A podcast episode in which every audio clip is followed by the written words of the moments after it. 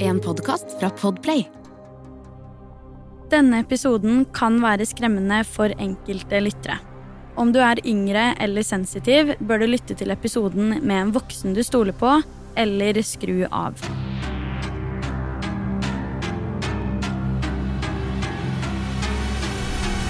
Hei og velkommen til en ny episode av Forsyningsfredag podkast.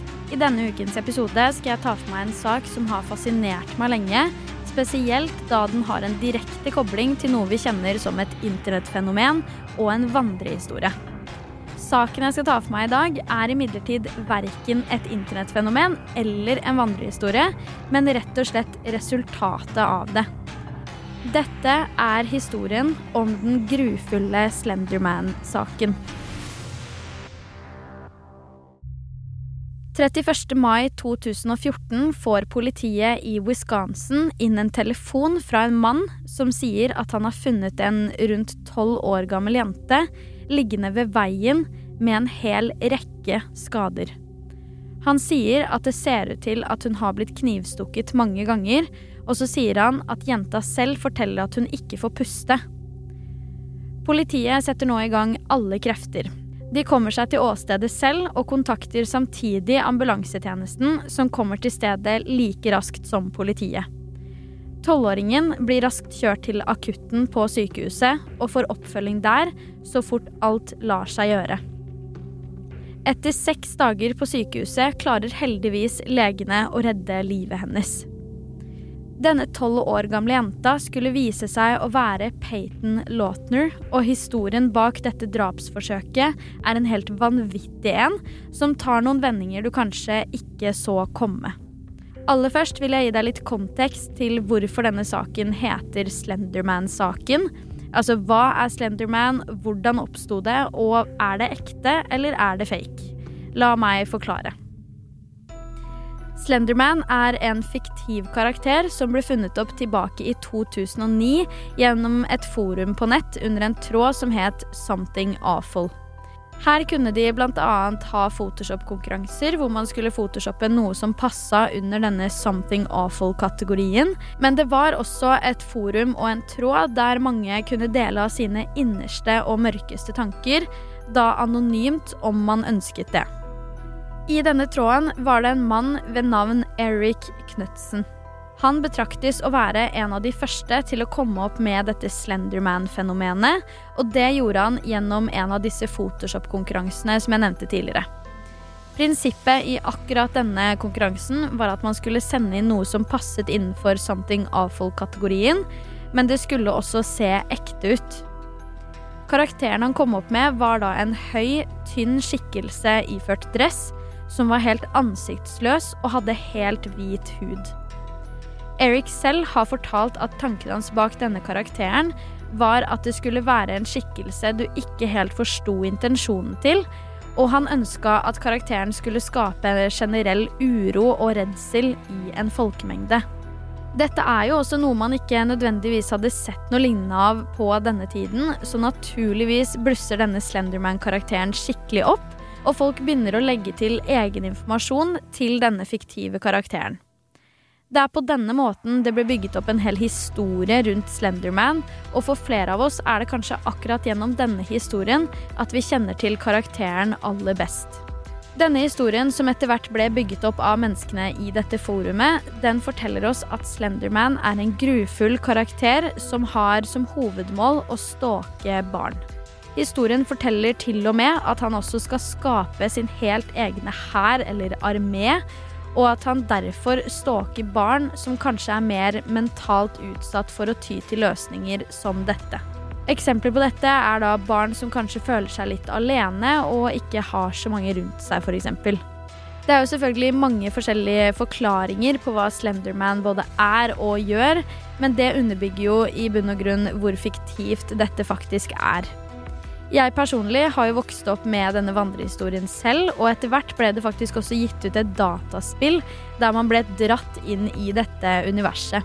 Jeg husker jo sjøl at jeg var livredd for å gå ut i skogen etter det, så det er kanskje ikke så veldig rart at det var flere som lot seg skremme av denne fiktive historien. Så nå som jeg har forklart deg litt mer, og kanskje oppfriska minnet ditt litt om hvem Slenderman var, og hvor karakteren stammet fra, så vil jeg gjerne fortelle deg historien om de kriminelle handlingene som fant sted i 2014. Altså hvordan henger denne vandrehistorien sammen med jenta som måtte reddes på sykehuset? Det skal jeg forklare deg nå. Peyton Lautner, Anissa Wyer og Morgan Geyser var tre gode venner, hvor Peyton og Morgan hadde kjent hverandre allerede fra de var bitte små, og hadde vært bestevenner siden fjerde klasse. Anissa kjente ikke Peyton fra før av i det hele tatt, men hun kjente Morgan gjennom at de tok samme buss til og fra skolen hver eneste dag. Til felles hadde de tre at de gikk i samme klasse, så derfor hang de litt på fritiden også. Det skal sies at foreldrene til Anissa imidlertid aldri hadde møtt Peyton før, og de hadde kun møtt Morgan. Rundt den aktuelle datoen i mai 2014 så hadde alle jentene fylt tolv år. Morgan og Anissa har i ettertid fortalt i avhør at de ble helt opphengt i nettsiden Creepypasta. Og det er nettopp denne nettsiden jeg snakka om tidligere, når det kommer til hvor Slenderman oppsto. Jentene nevnte selv at de spesielt hadde hengt seg opp i nettopp Slenderman-historien, og det er faktisk her det hele begynner. Nå begynner både besettelsen og også etter hvert hendelsene. Etter hvert som tiden går, begynner Morgan og Anissa å føle en trang til å bevise at Slenderman er ekte. En av historiene som gikk rundt, var nemlig at for å bli en del av Slendermans undersåtter, så måtte man ta livet av noen. Det var sånn man endte opp med å bli på en måte godkjent av han og få lov til å bo i det som ble kalt Slender Mansion, altså hans villa. Anissa har forklart i avhør at hun spesielt ønsket å overbevise de som var skeptiske til Slenderman, og hun ville da overbevise de om at dette her faktisk var ekte. Morgan har på den andre siden fortalt at hun fikk beskjed om at dersom hun ikke tok livet av noen, så ville livene til familien hennes være i fare. Morgan forteller dette til Anissa, som stoler da blindt på det Morgan sier. Hun var jo livredd for Slenderman fra før av, så hvorfor skulle ikke det her stemme? I sin tid ville jo naturligvis Morgan gjøre alt for at ikke familien hennes skulle være i fare. Dette var jo virkelig noe de på ekte trodde på. 30. mai 2014, altså kvelden før ting virkelig skal skje, så ble det arrangert en bursdagsfeiring for Morgan, som da var en overnattingsbursdag. Denne bursdagen hadde kun tre gjester, og det var Morgan, Anissa og Peyton. Denne bursdagen var antageligvis mye preget av søking på Slenderman, fortelling av historier rundt det og lignende. Man kan jo bare se for seg hvordan man selv var som liten på en overnatting med vennene sine. Utover kvelden og natten så lurte Morgan og Anissa med seg Peyton ut i skogen men ikke noe særlig dypt inn i skogen. Man kan si at dette på en måte var helt i begynnelsen av skogen. Grunnen til at jentene gjorde dette her, var for å kunne ofre Peyton, rett og slett fordi de ønsket å være en del av Slendermans undersåtter. Morgan og Anissa ender da opp med å holde Peyton nede i bakken og knivstikke henne så mye som 19 ganger da i beina, armene og overkroppen. Etter å ha gjort det, er de sikre på at hun er død, og da vandrer de to innover i skogen for å møte Slenderman. Eller i hvert fall så tror de det. Legene på sykehuset sa faktisk at Peyton ble truffet av et stikk som kun var én millimeter fra hovedpulsåren hennes, og hadde stikket truffet bare en millimeter til siden, så hadde hun vært død. Heldigvis klarer Peyton å komme seg unna etter å ha våknet til bevissthet, og hun får krabbet seg til en vei med mulighet for at det kan komme forbipasserende. Heldigvis kom det også noen forbipasserende, og det er her denne mannen som ringer til 911, finner Peyton. Her kan du høre et lite utdrag av 911-samtalen som ble gjort av denne forbipasserende mannen. So, is are you with this 12-year-old female? Yeah, she says she's having trouble breathing. She said she was stabbed multiple times. Stabbed multiple times. Yeah, Is she awake? she's awake. Is she Um, breathing? Yeah, she's breathing. She said she can take shallow breaths. She's alert. Oh, Is there any assailant around? ah, I didn't even look. I don't see anybody. Stay right with her, sir. Is she on the ground or is she standing up? No, she's laying on the grass. Som jeg nevnte innledningsvis, så kom politiet til stedet veldig raskt, og det samme gjorde ambulansen som fikk frakta Peyton til akutten umiddelbart. Det tar heller ikke lang tid før politiet finner jentene som har vandra innover i skogen. Politiet brukte lommelykter for å søke rundt i skogen etter potensielle gjerningspersoner, og det er da sånn de ender opp med å finne jentene, som naturligvis også var helt tilgriset i blod etter knivstikkingen.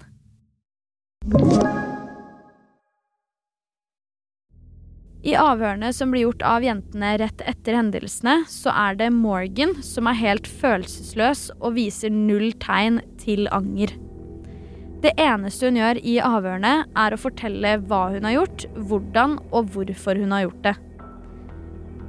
Blant annet forteller hun at dette var helt nødvendig, og at det var viktig at det var Peyton. Hun fortalte også imidlertid at det ikke var Morgan som valgte at det skulle være Peyton, men at det var Anissa som hadde fortalt at det måtte være henne. Politiet antok da at dette var en slags sjalusiforbrytelse, men Anissa selv har fortalt at det i realiteten var Slenderman som bestemte at Peyton skulle være offeret. Foreldrene til Morgan har forklart i ettertid at Morgan var en veldig hyggelig og positiv overraskelse, og at hun ikke egentlig var planlagt, men at de likevel helt premissløst elsket henne like høyt. Morgan hadde aldri vært noe særlig usikker på seg selv eller brydd seg noe om hva folk tenkte om henne, og moren forklarer dette som en veldig positiv ting. Moren til Morgan forteller også at de allerede i veldig ung alder reagerte på at Morgan hadde veldig store problemer med å vise empati overfor så lite som en karakter i en film, og da drar hun opp Bambi-filmen som et eksempel. I denne filmen så dør jo moren til Bambi av å bli skutt av en bonde, hvor Bambi da overlever.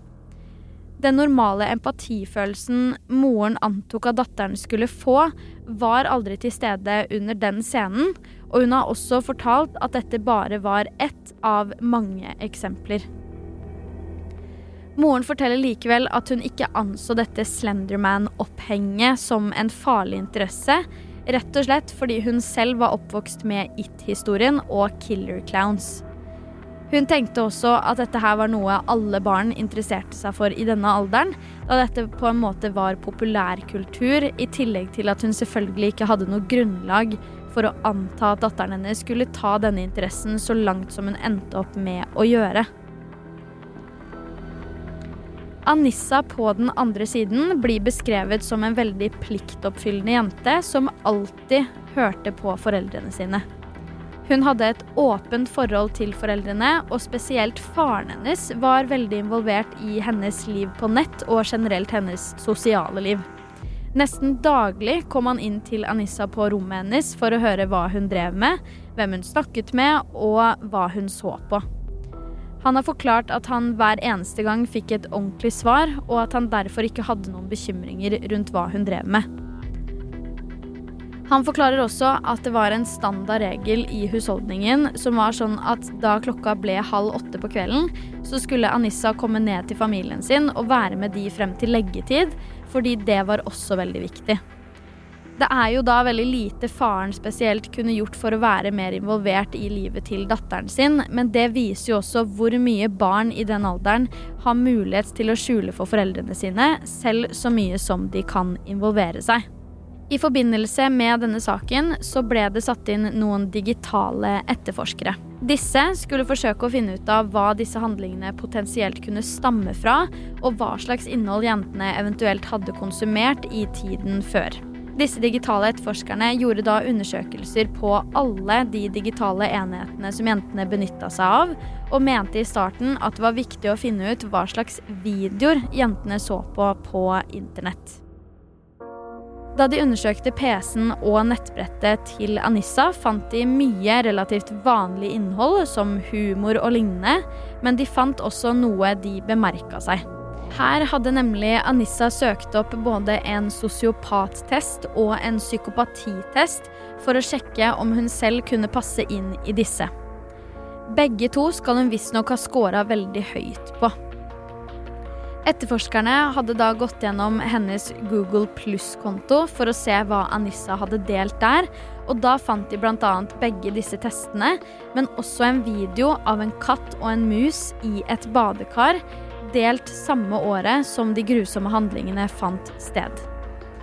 Denne videoen viser at katten banker opp musa, som også er i badekaret, til døde, før katten ender opp med å spise musa. Denne videoen har Anissa delt på sin Google Pluss-konto, og også kommentert ytterligere på den. I ettertid av disse hendelsene har også Peyton selv fått lov til å komme med sine tanker rundt saken. Til moren sin hadde hun visstnok sagt at hun ikke syns at Anissa fortjener like streng straff som det Morgan gjør, rett og slett fordi Anissa angivelig bare skal ha stått og sett på hva som skjedde, og ikke bidratt på lik linje med Morgan.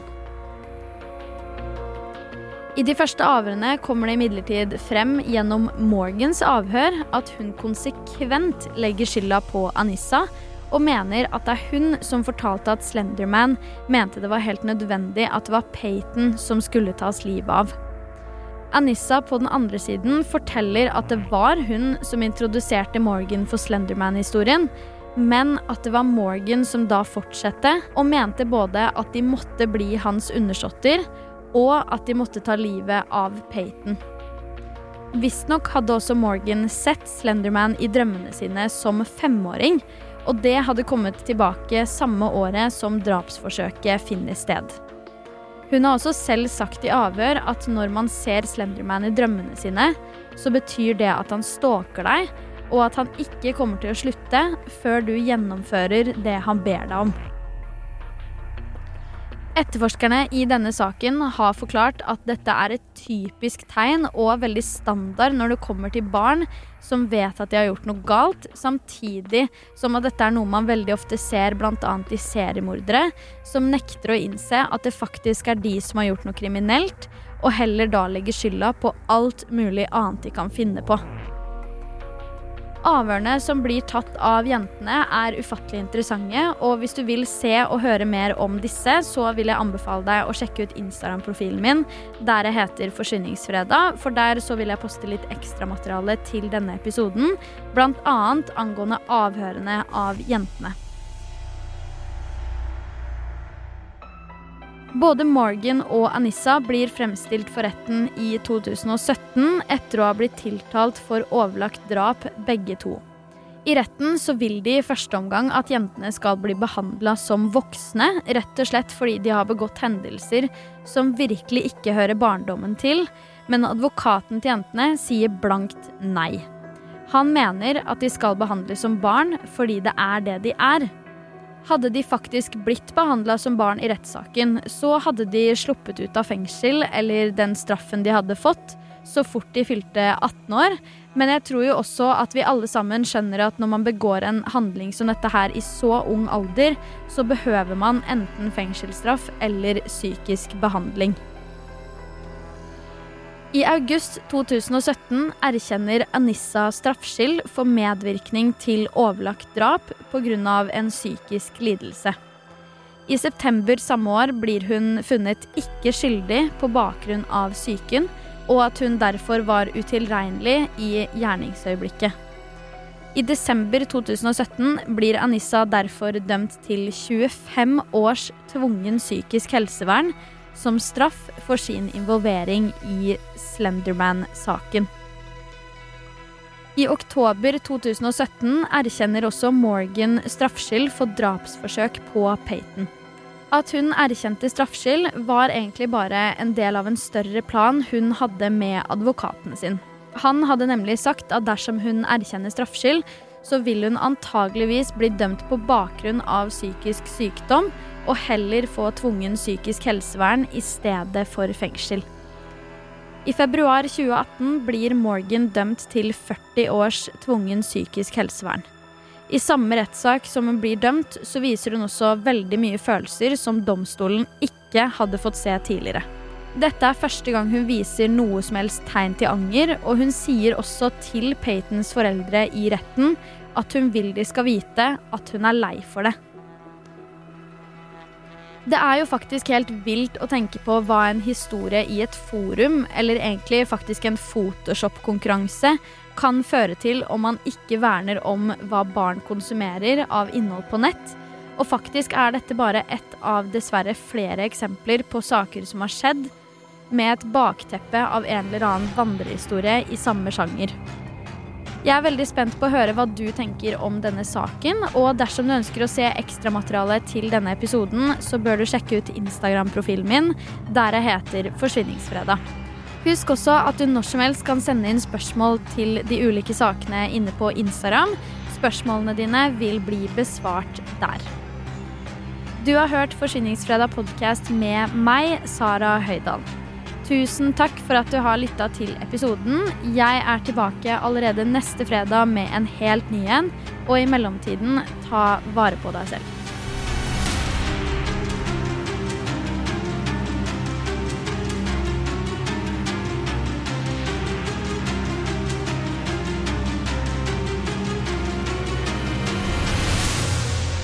Du har hørt en podkast fra Podplay.